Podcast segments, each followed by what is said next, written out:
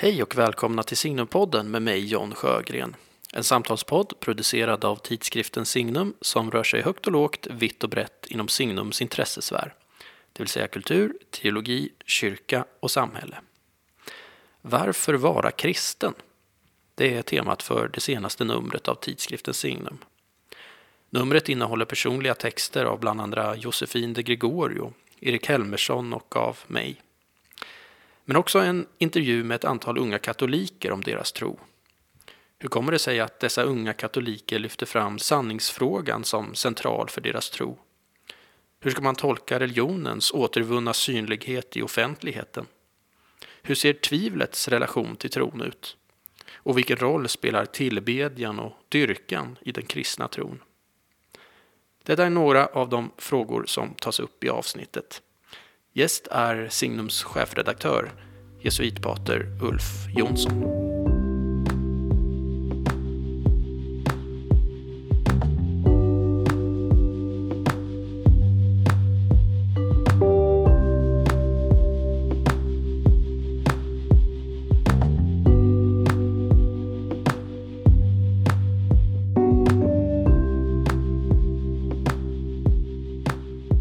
Välkommen tillbaka till Signumpodden, Ulf Jonsson. Tack så mycket.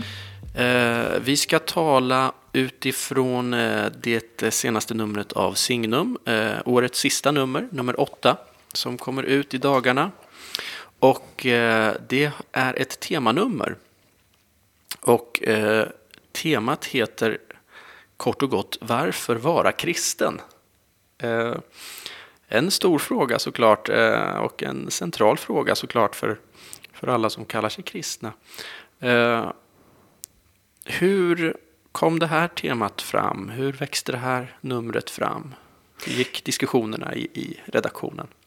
Eh, ja, det, blev, det är en, nästan en tillfällighet att det blev det här eh, eh, temat faktiskt. Men eh, vi hade under en längre tid diskuterat i redaktionen eh, Eh, kring de här frågorna om religionens återkomst. Och eh, ja, vad är det och eh, i vilka avseenden har religionen kommit tillbaka och, eh, och så. Det är inte helt självklart då. Och det ledde bland annat till att vi funderade på eh, varför det verkar vara så många som pratar om religion men eh, ändå eh, få som kommer till kyrkan så att säga. Mm. Eh, och eh, så man håller tron och religionen på armslängds avstånd även om man verkar vara intresserad. Mm. Och, eh, och då sen fick vi in någon text också om det här att vara kristen på temat och då, tänkt, då passade det in i de här övervägandena. Och sen eh, kom det ytterligare någon text och, och, jag funderade själv lite på det och sådär. Och till sist satt vi med en samling texter om varför vara kristen.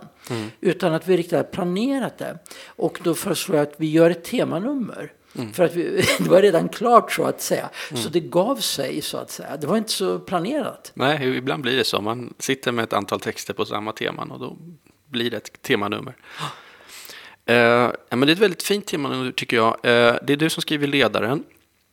Eh, och eh, jag tänkte vi ska prata lite om de flesta om texterna i, i det här temat. Men eh, det finns en text som Fredrik Heiding har skrivit som är eh, väldigt värdefull tycker jag. Som är intervjuer, eller intervju med ett antal unga katoliker. med väl mellan 20-30 års åldern där. Och ehm, eh, där är en återkommande sak som, som flera lyfter fram där är sanningsfrågan. Alltså varför vara kristen? Eh, det korta svaret för att det är sant. Eh, och eh, du lyfter också fram det i din, eh, i din ledare. Du skriver bland annat att en religiös tro utan sanningsanspråk kan inte tas på allvar. Eh, varför tror du att den här sanningsfrågan är så viktig och kommer tillbaka, särskilt hos de unga då? Eller hur ser du på det där? Eh, eh, jag är väldigt glad för den där eh, intervjun med de här unga vuxna och om deras katolska tro. Ehm, de lyfter fram många, många saker som kanske inte vad ska jag säga, äldre personer eh, eh, har så mycket i centrum och så. Och det är ett sundhetstecken eftersom de reagerar på det som är. Och jag, jag tar också på det sättet. Ehm, och den här sanningsfrågan kommer tillbaka i, i det här samtalet som de har ehm, på flera håll. Och, eh, alltså jag, jag uppfattar det som någonting väldigt sunt. Nämligen, jag tror att de reagerar på att vi lever väldigt mycket i en fake eh, news-kultur. Att det är väldigt, eh, det är väldigt mycket tycker jag där man antingen helt enkelt bara eh, eh, eh, helt enkelt ljuger och sprider desinformation. Men också det här att man går på gränsen eh, i litteraturen. Man går på gränsen mellan att beskriva något som är verklighetsförankrat och inte är det. Och det är ju som en egen genre. Men men det finns något väldigt osunt i en kultur där sanningsfrågan inte längre tas på allvar. Om frågan om, om det går att lita på någonting, om någonting mm, återges korrekt eller, eller om det bara är fejk. Det är en väldigt central fråga. För det har att göra med vad kan man överhuvudtaget lita på? Och eh, vad kan man också våga satsa på? Vad kan man bygga på? Vi måste på något sätt ändå leva våra liv och det innebär att vi för att kunna leva och förhålla oss till saker och ting måste vi också ha något hum om hur de är. Eh, och eh, då kommer sanningsfrågan in. Så att eh, jag tror att är man liksom i, i 20-årsåldern och har vuxit upp i den här kulturen, inte minst på, med den digitala kulturen, där det finns så mycket av Eh, ja, fejk och, och, och, så, så tror jag att sanningsfrågan faktiskt eh, blir viktig igen. Och det blir den också i det, eh, när det gäller frågan om Gud och så. Därför att sanning och att ta saker på allvar hänger ihop. Mm, mm, absolut, det tror jag uh, verkligen stämmer. Uh, jag, jag, tror också att det, det finns... Uh, sanningsfrågan är absolut viktig för mig också. Och, men det du beskriver nu är liksom lite den här, vad ska man säga, och du nämner det i din ledartext också, lite den här liksom, det postmoderna anything goes på något sätt. Eh, men jag tror att det finns en, en eh, att det svarar också mot någonting som, de, de postmoderna så att säga, reagerade mot. Det vill säga den här väldigt strikta, naturvetenskapliga, hyperrationalistiska, positivistiska sanningssynen. Eh, där liksom där någon mening eh, de postmoderna tänkarna kan vara våra allierade i någon mening. För att, för att den sanning så att säga som, som vi eh, erkänner eller som vi säger oss tro på eh, är ju en större sanning än, än den rent så att säga Eh, idag så tror jag många tänker om sanning, för att det kan vara så svårt för, att förmedla det här ibland när, när någon säger alltså att, att kristendomen är sann och så. Men vad menar du med det, kan en, en, en sekulär människa då säga att, att eh, kanske inte förstå vad det betyder för att idag så har det här hyperrationalistiska, väldigt positivistiska också kommit tillbaka. Så kanske som en reaktion på det här liksom mer postmoderna då. Eh, där, där sanning likställs med korrekta fakta om verkligheten. Eh, men när Jesus säger jag är sanningen så menar han ju inte jag är alla korrekta faktauppgifter om, om, om världen, utan någonting större. Sanningen är ju också någonting större i den kristna traditionen. Eh, och det där tror jag också är, är viktigt att, att det har varit viktigt för mig i alla fall. Men då har det nästan varit då en reaktion mot någonting som kom innan, alltså mot det, liksom det positivistiska, liksom, eh, någonting mer då i moderniteten snarare än postmoderniteten om man säger så. Ja. Jo, själva förståelsen av sanning eh, är ju väldigt viktig då. Eh, och eh, Ja, problemet är förstås att vi har i vår, i, i vår kultur eh, brottats så mycket med eh, eh, frågan om eh, en rent vad ska jag säga, naturvetenskaplig beskrivning som uttömmande. Mm. Alltså att den här, det ligger märkligt nog kvar den uppfattningen att naturvetenskapen är eh, beskrivningen av verkligheten helt enkelt, mm. rakt av. Mm. Eh, men det, så är det ju inte. Och faktum är att eh, den, eh, alltså det som kallas för en reduktionistisk fysikalism, eh, alltså den här eh, så att säga, extrema positionen att bara det som man kommer fram till genom fysikens metoder beskriver verklighet, mm. den, den uppfattningen finns ju fortfarande märkligt nog. Fastän den är behäftad med enorma problem. Eh, alltså rent vetenskapsteoretiskt är det så att den är en väldigt svag position. Den är underminerad av väldigt mycket interna problem. Mm. Eh, så det är egentligen inget alternativ det heller. Men det är naturligtvis inte så allmänt bekant så att säga. Eh, utan det är mer för specialister. Mm. Men, men så är det. Och eh, eh, jag, håller, jag håller på att skriva en bok om Jesus. Aha, ja, den, eh, den killen ja. Det är eh, den här andra eh, volymen i en eh, fundamental teologisk verk som jag håller på med. Mm. Och då har jag tänkt på så här. Påskdagsmorgonen, den första kristna påskdagsmorgonen, så att säga, där eh, Jesus uppståndes från de döda. Och eh, graven finns där i Jerusalem. Mm. Om man då tänker sig någon som kommer in där från landet in till stan och ser att eh, den där graven eh, är tom eh, och personen kanske råkar se också Jesus grav eh, lades då på några dagar innan. Och den personen som ser den där tomma graven kan ju dra vilken slutsats som helst. Mm. Alltså det rena empiriska, bara så att säga, konstaterandet av enkla fakta, eh, det, det, är bara en aspekt av sanningen. Mm. Och Johannes och de andra som var med om skeendet hela liksom vägen och, eh, kunde senare berätta om det där på ett, ett eh, sätt som, som de begrep sammanhanget. Mm. Kunde därför säga mycket mer om det på ett sant och korrekt sätt. Mm. Alltså sant i en fullödig mening. Mm. Som den här personen eh, inte alls eh, klarade av. Den kanske till och med skulle missförstå det hela fullständigt och eh, tolka det hela alldeles galet. Mm. Så att sanning är någonting väldigt omfattande. Och att, eh, det är därför också som kyrkan förstår uppenbarelsen. Eh, det finns något som heter dogmutveckling och en fördjupning av tron. Mm. Fördjupningen är en verklig fördjupning. Det är först med mycket reflektion som vi förstår.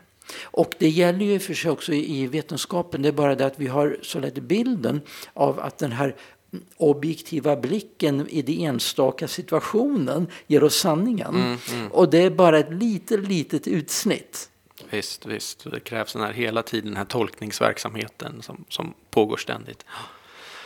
Uh, nej, men jag tycker det är så intressant när du tar upp eh, berättelsen om, om uppståndelsen också, för det är så tydligt i evangeliernas berättelser att här är det någonting som sker som eh, också spränger sönder vår verklighetsbild. Och det är liksom att när sanningen, den yttersta sanningen då, när den person som säger att han själv är sanningen bryter in i världen, då, då sprängs också liksom ramarna för, för, för allt för liksom det vi, vi tänker är, är, är, sant. Så att säga. Och det är så tydligt i beskrivningen just av uppståndelsen att, att det liksom, de vet inte riktigt hur de ska beskriva det. Och det, det, liksom, det är, ena stunden är han där, sen är han inte där. Och sen, alltså, det, är någonting, det är någonting som har hänt här som är mycket, mycket större än vad vi kan förstå. Och det tror jag också är viktigt i det här sannings, att, att den kristna sanningen är någonting vi aldrig kan äga. Alltså vi kan inte helt fullt liksom säga att vi har sanningen, utan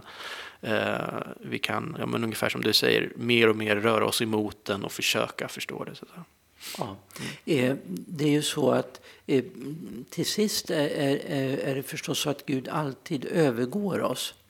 Ehm, och vi, alltså skulle vi kunna, mm, som Augustinus säger, om vi kan uttrycka det, då är det inte Gud. Nej, ehm, och, det, och så är det. Samtidigt är det också viktigt att, eh, att betona att ehm, när vi pratar om Gud och uppenbarelsen och så vidare, det är också någonting som verkligen har någonting att säga till oss. Mm. Det är mm. inte så främmande så att inte, så att säga, eh, vi, vi kan också delvis greppa det, men vi, eh, vi både greppar och inte greppar. Mm.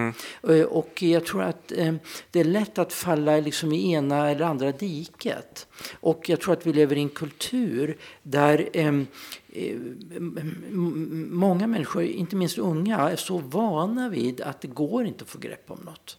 Nej. Allting är undanflyende, allting mm. är ogreppbart. Och det är väldigt osunt och eh, också oriktigt. Därför det eh, kan faktiskt förstå ett och annat. Också när det gäller religiös tro. Eh, det Jesus förkunnar till exempel, det är ju inte helt obegripligt utan man kan förstå saker och ting. Och så ja, ja, så att det är också viktigt att hålla eh, balansen. Eh, och jag brukar kanske allmänt betona just det här att vi faktiskt kan förstå. Eh, men samtidigt är det ju så att ehm, eh, det gäller ju redan redan inomvärldsliga saker. Verkligheten är så komplex att vi får den aldrig helt i vårt grepp. Nej. Och det kommer att förbli så. Ja. Och, eh, och det gäller ju i allra högsta grad Gud. Eh, eh, men samtidigt så att Gud uppenbarar sig i världen och på något sätt talar, börjar tala vårt språk. Mm. Och, eh, och, eh, och det är också viktigt att eh, det är inte bara det undflyende utan också det greppbara, alltså i, i sakramenten och så vidare. Och, så att även här gäller det katolska både och. Ja, och det lyfter du fram i din ledare också, att, att det här det är något väldigt specifikt katolskt också, det här med att betona just både och och att det, det är en komplementär syn så att säga, på verkligheten. Och det där var väldigt viktigt, nästan en avgörande sak faktiskt för mig när jag närmade mig det katolska, i alla fall på ett intellektuellt, så att säga, filosofiskt plan, att, att eh, just den här både och-tänket som, som genomsyrar det katolska så mycket, det, det var en befrielse för mig som kom från en annan liksom mer Luthers betonad, där liksom alena är ett ledord, så, så, är, eh, så är den, eh, ja men där sitter jag mig mer så säga, intellektuellt och hemma då i det här där man ibland nästan in absurdum kan, kan, kan liksom betona paradoxerna och både ochet. Men jag tror att det är närmare sanningen då, om vi ska prata sanningar. Eh, ja, men som sagt, det, varför vara kristen är, är temat här. Eh, och det är flera personliga texter i den här såklart, eh, blir det ju. Men jag skulle tycka det var intressant också att höra eh, lite om din resa. Om man, om man ställer den frågan till dig, varför vara kristen? Hur, hur har din resa sett ut? Eh, hur, hur kom du till den kristna tron? Eh, jag, jag är inte uppväxt med den kristna tron. Jag döptes som barn, men det var eh, ja, social konvention. Mm. Eh, jag tror inte att jag var i en kyrka från, efter det att jag döptes fram till jag var ja, 12-13 år. Så kom jag in i någon kyrka någon gång eller så. Mm. Så det fanns ingen religiös praxis i den miljö jag växte upp. Så. Eh, jag vill inte säga att den var antireligiös, men det var bara att det var helt frånvarande. Mm. Eh, men eh, jag, eh, jag blev tidigt samtidigt väldigt intresserad av av ehm, eh, både religion och filosofi. Mm. Och eh, så jag funderade som man kan göra som, som tonåring och så. Eh, faktiskt mycket kring sådana saker. Vart kom det intresset ifrån? Var det liksom att du började läsa någonting eller var det på något sätt. Fanns inom dig på något sätt bara? Ja, det fanns, på något sätt fanns det väl i skolan. Man mm. nämnde sådana saker. Så. Men det var också, det helt enkelt var mina frågor. Jag upptäckte att det är det som är viktigt, det är det som är intressant. Mm. Eh, så att eh, i tonåren började jag läsa så där intensivt som man kan göra. Eh, så att jag skaffade mig ganska snart eh, stora kunskaper så säga, för min ålder. Mm. Eh, och läste, på gymnasiet läste jag böcker som jag senare skulle möta på universitetet och så vidare. Och så, mm. så där som man kan göra. Så att det var ett väldigt starkt personligt engagemang i de här frågorna. Men var det ett, eh, mm, förstår jag rätt, om det var främst ett, liksom ett intellektuellt intresse. Det, det fanns ingen sån här liksom gudserfarenhet i botten eller Nej, det var i stor utsträckning ett intellektuellt intresse och mm. på ett sätt har det också förblivit det. Det är enkelt mina frågor, att förstå verkligheten och eh, vad, eh, vad, också, men också de, den existentiella sidan mm. eh, med frågor om, eh, om livets mening och vad går allt ut på? Det var, det var en av de här frågorna som jag ställde eh, tidigt, mm. väldigt tidigt. Mm. Finns det någon tanke med det hela? Eh, det, det, var den avgörande frågan. Finns det någon tanke med det hela? Finns det någon mening med det hela? Mm. Och eh, den kan man ställa väldigt intensivt också som ung människa. Ja, visst. Och det var nog... Eh, sen var det också så att jag eh, eh, drogs... Eh, alltså, det fanns också ett allvar och eh, också en skönhet för övrigt eh, som drog mig, nämligen i det liturgiska. Just det. Eh, tron är något på allvar, att ta livet på allvar. Mm. Och det liturgiska drog mig också. Så det var inte bara rent intellektuellt, det var inte, utan också och det, i skönheten, alltså den här skönheten som är, vad ska man säga, det är en skönhet som är djup. Mm. Eh, inte, alltså, eh, eh, redan som ung var det någonting som jag hade väldigt svårt med och det var det banala. Mm. Alltså jag tycker mycket om humor och så. Mm, mm. Men det banala har jag alltid avskytt. Jag tycker det är, det är för billigt. Livet är för kort och för viktigt för att man ägnar sig åt något banalt. Så det är alltid eh, känt en horror inför. Och jag, så, så fort jag upptäcker att någonting är banalt eller jag upplever det som banalt så struntar jag i det bara. Mm. Det är det inte värt. Eh, så att det, och det är en livshållning. Men i, i liturgin när den är väl firad och när man reflekterar kring de här filosofiska och teologiska frågorna på allvar. Då lämnar man det banala bakom sig. Mm, eh, Humor är någonting annat. Ja, men, ja, men, ja visst, visst, absolut. Ja, det är en väldig skillnad på det, på det som är rent banalt och det som är humor. Mm. Men hur hittar du till det liturgiska? Hur hittar du eh, till, till kyrkan? Så att säga, via jag fick inbjudan att uh, bli konfirmerad i Svenska kyrkan och funderade på det där. Men jag tänkte, jo men det är ändå, jag är intresserad av det där. Mm. Så att jag, uh, och det var en präst som, som också var allvarligt sinnad. Mm. Uh, och det tilltalade mig väldigt mycket och så. Så, jag, så att genom honom väsentligen fick jag liksom in livet på, på den kristna trons spår. Mm. Så lärde jag känna några andra där också i sammanhanget. En, en äldre präst som betydde väldigt mycket för mig.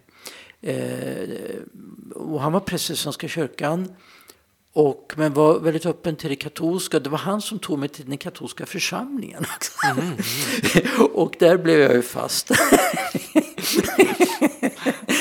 vad, vad, var det med det katolska som, som eh, ja, attraherade dig? Det var då jag är gymnasist. Mm. Och då hade jag redan upptäckt att det fanns mycket filosofi i det katolska. Det. Mm. Och sen upptäckte jag liturgin i det katolska. Och då tänkte jag, men här är jag hemma. Mm. Så att redan som gymnasist förstod jag att det är det katolska, det är där jag är hemma. Där kan man både reflektera, där finns allvaret, men det finns också skönheten. Mm. Eh, där finns, eh, och man kan, det finns en, en vidd i det hela. Det är inte smalspårigt. Det finns en vidd i det. Och det, det, det är öppet för kultur, det är öppet för liksom mycket och samtidigt är det på allvar. Mm. Ja, just. Kände du tidigt en, en kallelse till, till prästerskap och, och att bli jesuit? Eller så här, kom det också tidigt? Ja, eller? Ja. Eh, alltså, det, det kom eh, tidigt. Eh, jag tänkte på... Alltså, det, alltså, som präst får man lov att ägna sig åt allt möjligt. Men eh, mm. jag hade ju bilden då av prästen de ägnade sig åt det här och fundera på filosofi och teologi. Ja, så, att, så att den eh, tanken, jag var nog bara en 16 eller sådär när jag tänkte det. Mm. Det passar bra. Det. Du, du hade behövt lite så här eh, realism kanske. Ja. Någon, en veck, gå med en vecka hos en kyrkoherde i någon församling och ja, se. Ja, för jag, jag, hade ju, jag var inte van vid några kyrkliga miljöer så jag visste inte. Liksom. Ja. Men som jesuit så får man jo, hålla på mycket med sånt där. Sen mm. som jesuit får man ägna sig åt det mm. en hel del. Mm. mm. När, när eh, liksom kände du det att du skulle gå in i um, präst eller bli jesuit? Uh, Det var när jag var student eh, här i Uppsala. Mm. För att eh, eh Eh, då eh, var det så, och är fortfarande, att jesuiter som är här i församlingen i Uppsala. Och eh, så jag mötte ju jesuitorden och kände redan till att, att jesuitorden, där ägnar man sig en hel del åt ja, högre utbildning och forskning och sådär. Det finns en hel del sånt. Och så att det var ju, sen var det andra saker också som var viktiga. Men, men, men eh, det var ju en, eh, vad ska jag säga, en naturlig anknytningspunkt. Mm. Har du, eh, som sagt, det här numret är ju Varför vara kristen? Det blir ju en ganska sån här Uh, man liksom talar för kristendomens sak, så att säga. Uh, så det är inte så mycket man ska säga, tvivel i de här texterna. Erik Helmersson i sin text har, har, har lite av det. Men hur har, har du någon gång liksom tvivlat på att det är rätt, liksom det kristna? Eller? Uh, ja, jo, det fanns, eh, det fanns också en period eh, faktiskt Eh, i det där också. Under min utbildning i, i, i jesuitorden under en tid, under en period, så var det så. Det, det ligger väldigt långt tillbaka nu. Så jag nästan, jag på att säga, glömt det. det, var, det, var, ja. men det var, det var under något år då vissa frågor eh, faktiskt var, eh, ställdes på sin spets. Och det var filosofiska frågor mm. då. Mm. Eh, men eh, jag fick ju, jag var mm, på en, eh, på en filosofihögskola driven av jesuiter. Det var en massa folk som funderade på sådär. Så jag hade ju väldigt mycket samtalspartners mm, mm. där. Och, och så, där. så det var ju en väldigt eh, bra miljö för det då. Eh, men sen dess så egentligen inte.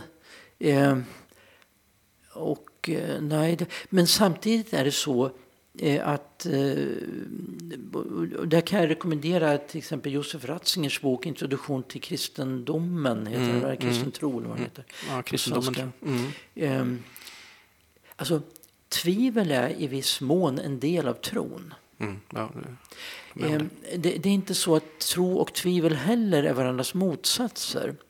Eh, precis som tro och gärningar och, och liksom Ehm, eh, alltså, mm, det katolska är, är mångfacetterat, det är komplementärt.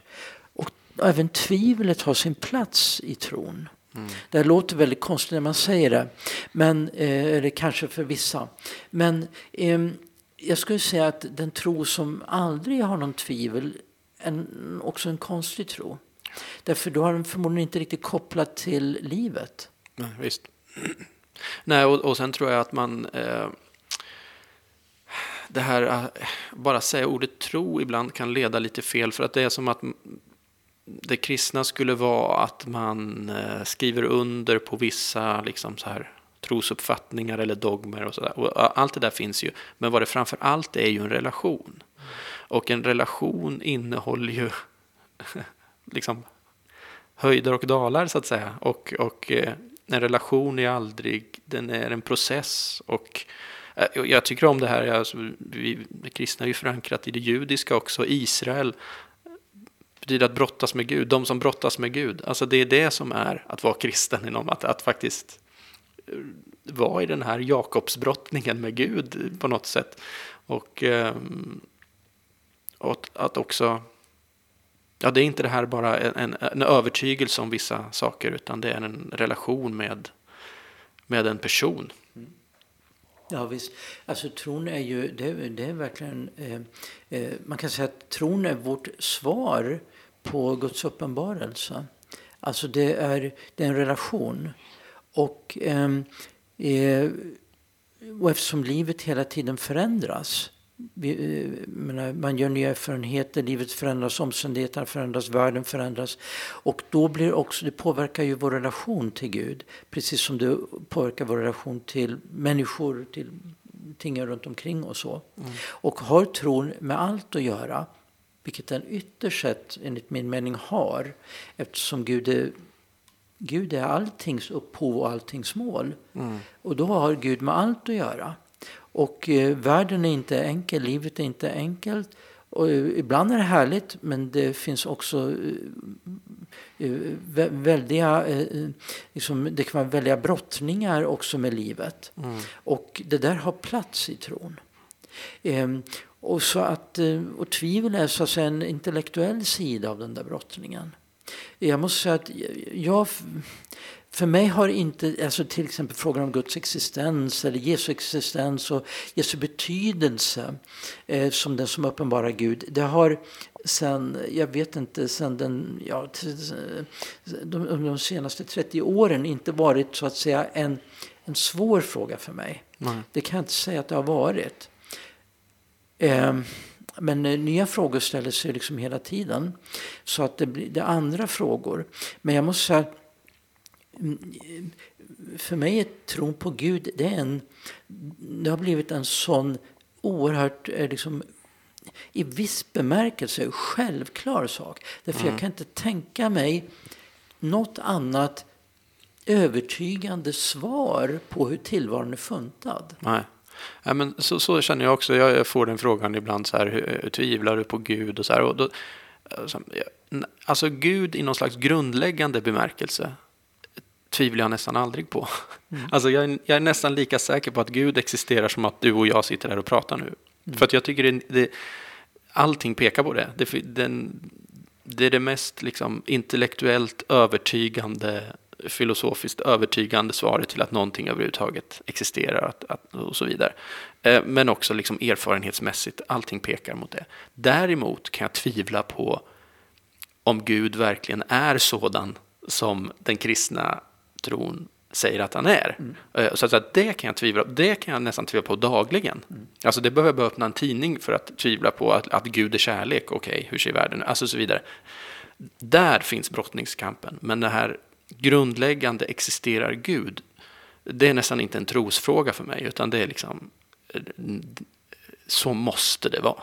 Ja. Vet, Thomas av Aquino han eh, placerar ju faktiskt den här frågan om Guds existens inte bland de teologiska frågorna. Nej. Han betraktar den inte som en trosfråga teologiskt utan som en filosofisk fråga. Mm. Mm. Och ehm, eh, jag måste säga att eh, om världen är begriplig på något sätt då finns Gud. Det, eh, jag ja. men, så menar jag. Ja. Och, ehm, eh, och om världen inte är begriplig då kan vi ge upp allting inte bara vetenskap utan då, har, då är, då är liksom varje försök att ja. begripa sig på saker och ting är meningslöst. Ja, ehm, så att eh, det är en, för mig är det en grundoption. Lönar det sig att försöka eh, leva ett meningsfullt liv? Göra någonting överhuvudtaget? Ja, överhuvudtaget. Eh, och svarar man ja på den frågan så har man redan svarat ja till Gud. Ja. Eh, och, sen, men sen återstår en massa annat. Mm. Livet, eh, livet ska levas och, eh, och världen på, i bästa fall så bidrar vi eh, en gnutta till att det goda kan eh, bli förverkligat i världen. Mm. och Så Så kommer liksom hela, hela liksom livet in. Ja, nej, jag håller med. Precis. Nej, men för mig är inte frågan finns Gud, utan frågan är hurudan är Gud mm. i så fall. Mm. Ja.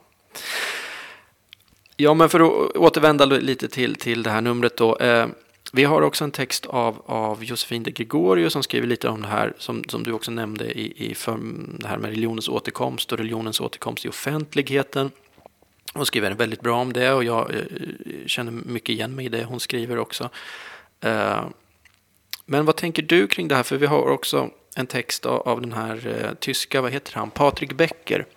Eh, och, där han nämner att, att liksom den här religionens återkomst, det är mest en, en återkomst i offentligheten. Alltså om vi ser det mer på, liksom, i Sverige pratar vi mycket om att det är tillbaka på kultursidorna och liksom den här kulturkristendomen. Uh, men det är egentligen inte någon stor ökning av liksom, att folk blir liksom, kristna eller mer religiösa i samhället i stort. Vad tänker du kring det där om liksom, religionens återkomst i offentligheten? Är det just en återkomst i offentligheten eller ser du som präst eller så här, alltså att det är ett ökat intresse eller att fler kommer till kyrkan? Eller så här? Eh, nej men jag tror att det är ett, en återkomst eh, i stor utsträckning i, ja, så att säga, i, i medier och i, i den offentliga debatten och så. Det är det. Och eh, jag tror det också hänger samman med att eh, man har på något har sett haft intrycket att religionen har varit försvunnen därför att den har spelat så lite roll i det offentliga samtalet. Och nu har man upptäckt att religionen finns där. Och eh, då sen en tid tillbaka har man upptäckt det och det är snarare det eh, som har skett. Eh, jag tror det verkligen är så. Det är för övrigt intressant att eh, de här unga vuxna i det här intervjusamtalet eh, är de, det är en av de som konstaterar det också. Mm. Och som uh, säger att det, jo, det kommer tillbaka på det sättet i, i debatten. Men man ska inte blanda ihop korten, det är olika saker. Ja, och jag, jag, håller med om det. Ja, det, det, visst, man ska inte förväxla det som liksom skrivs på kultursidor med eh, vad som händer i, i, i de liksom, gemene mans liv, så att säga. Nej.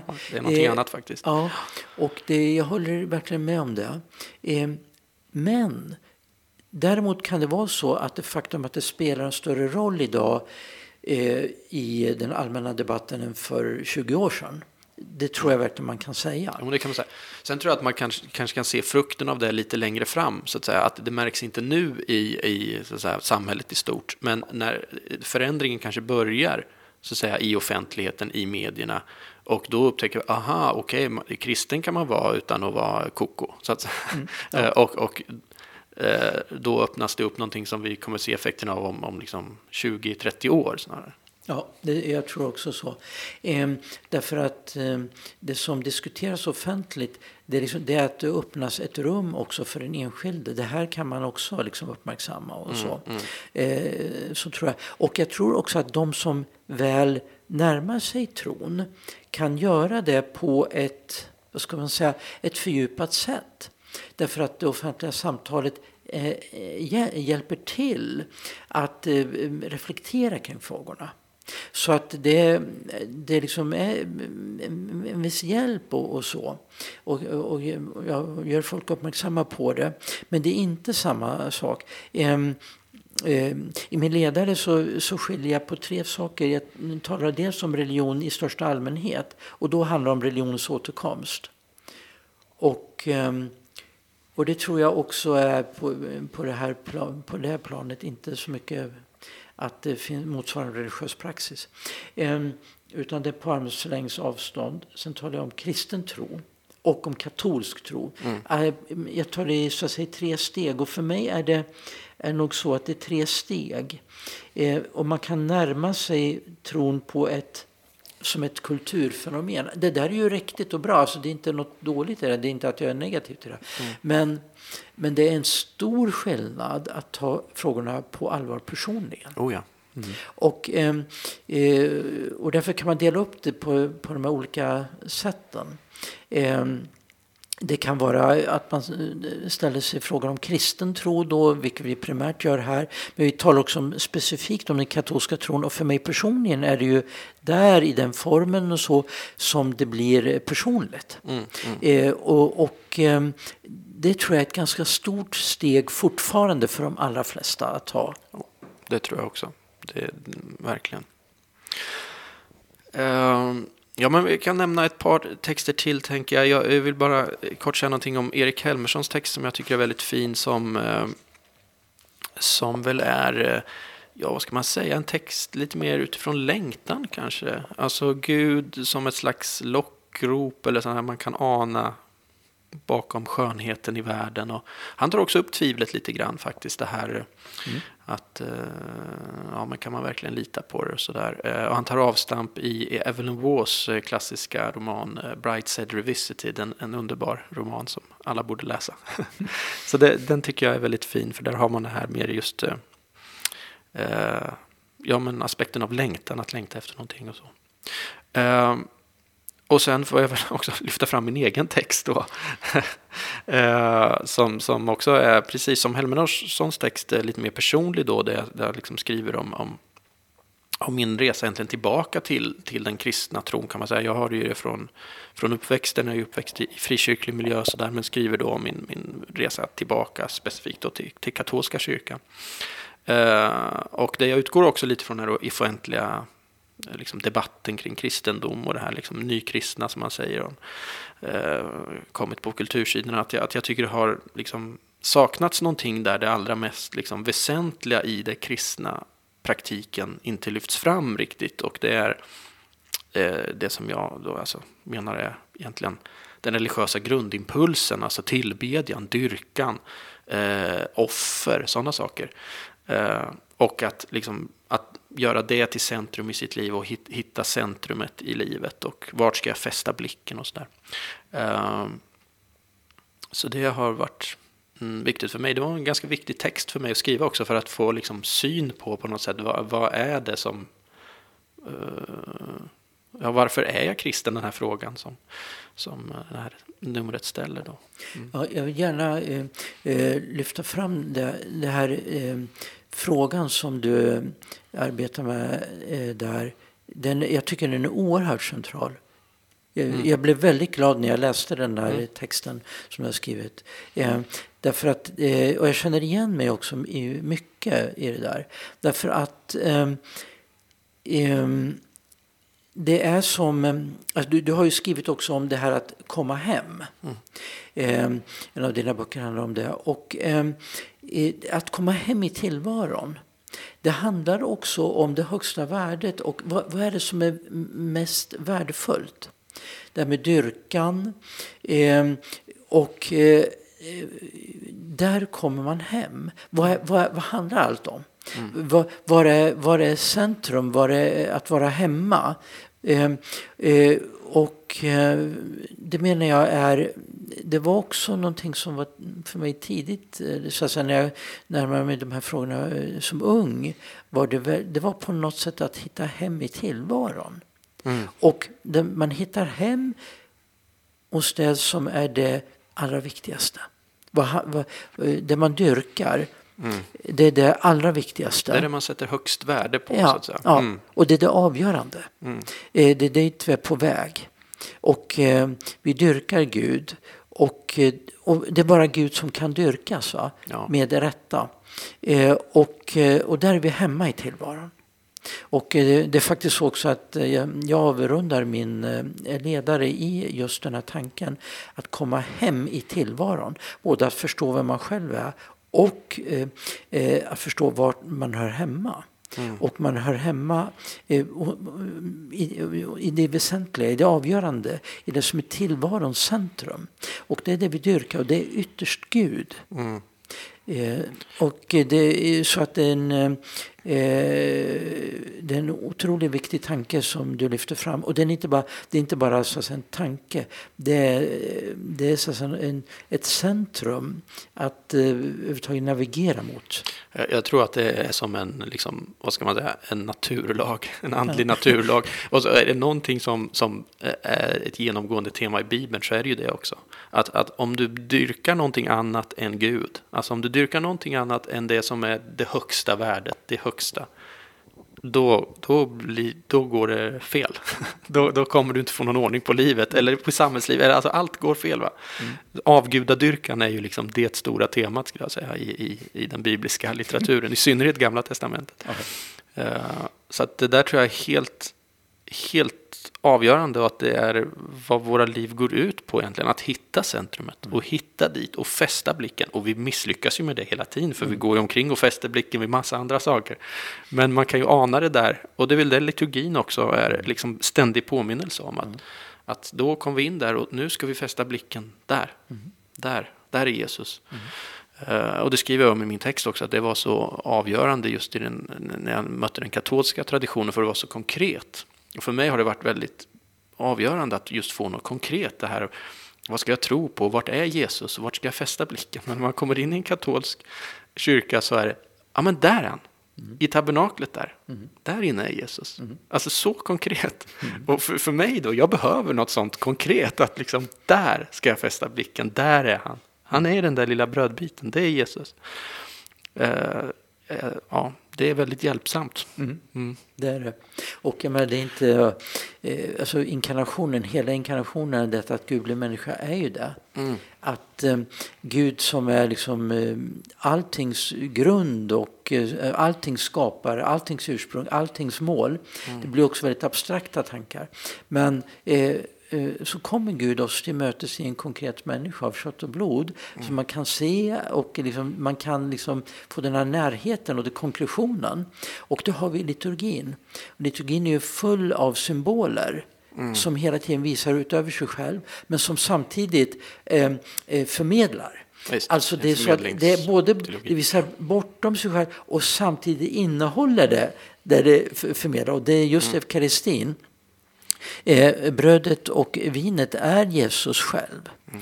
Eh, så det visar hän till det som det innehåller redan. Ja, en real symbol. Ja, mm. ja. Och, eh, eh, men vad, vad, hade de kristna från början?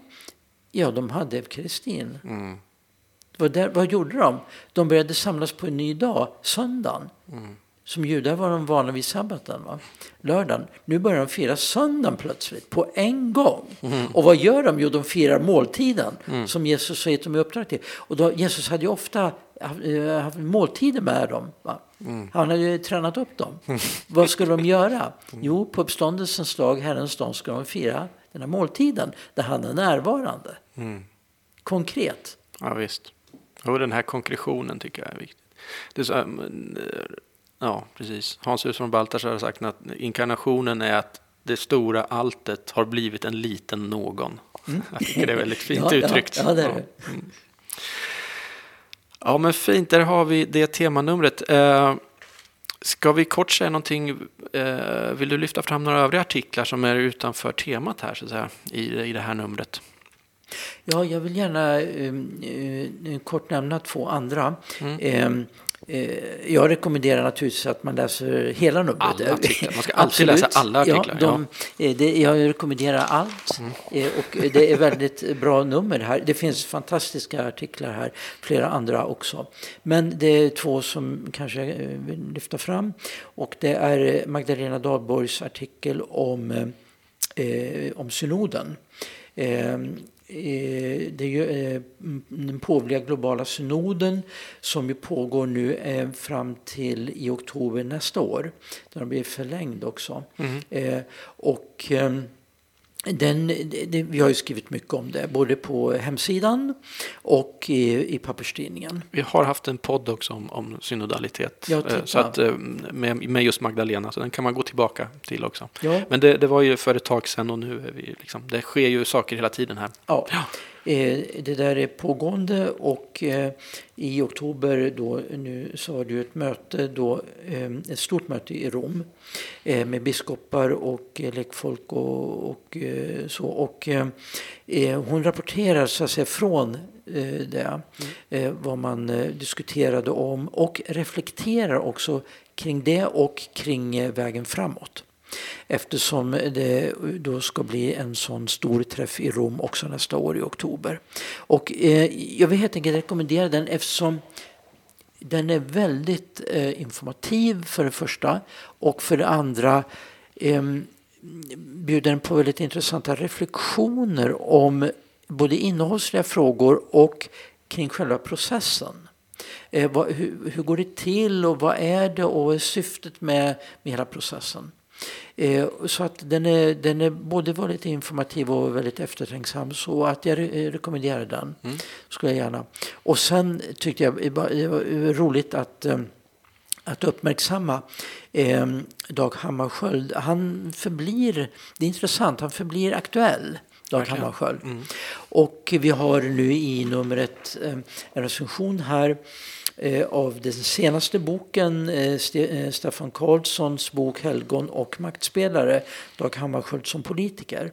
Och ehm, det är, ehm, det är intressant att se att de här frågorna om förhållandet mellan hans tro och hans politiska gärning eh, fortfarande är eh, viktigt och eh, lyfts fram och så. Mm. Och eh, jag måste medge, alltså det är en ny bok här, jag har inte läst den själv, men av recensionen att döma så är den väldigt eh, läsvärd också, boken. Mm. Ja, men det här relationen med hans tro och hans, hans politiska gärning, så att säga, det var, ju, det var ju ingen som visste om det här med hans tro egentligen förrän efter, efter hans död, då, när de här vägmärkena kom ut och så. Det, det är väldigt fascinerande. Nu kommer det ju en storfilm också. Eh, jag tror jag tror det är på juldagen den har premiär.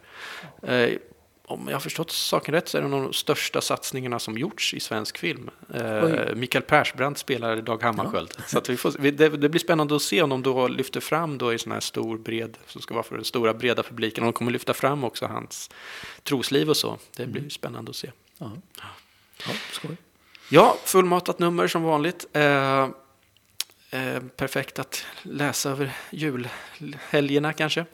Mm. Eh, tack så mycket Ulf Jonsson för att du gästade Signumpodden. Tack. Och eh, tack alla ni som har lyssnat och lyssna gärna på oss igen i nästa avsnitt. Hej så länge!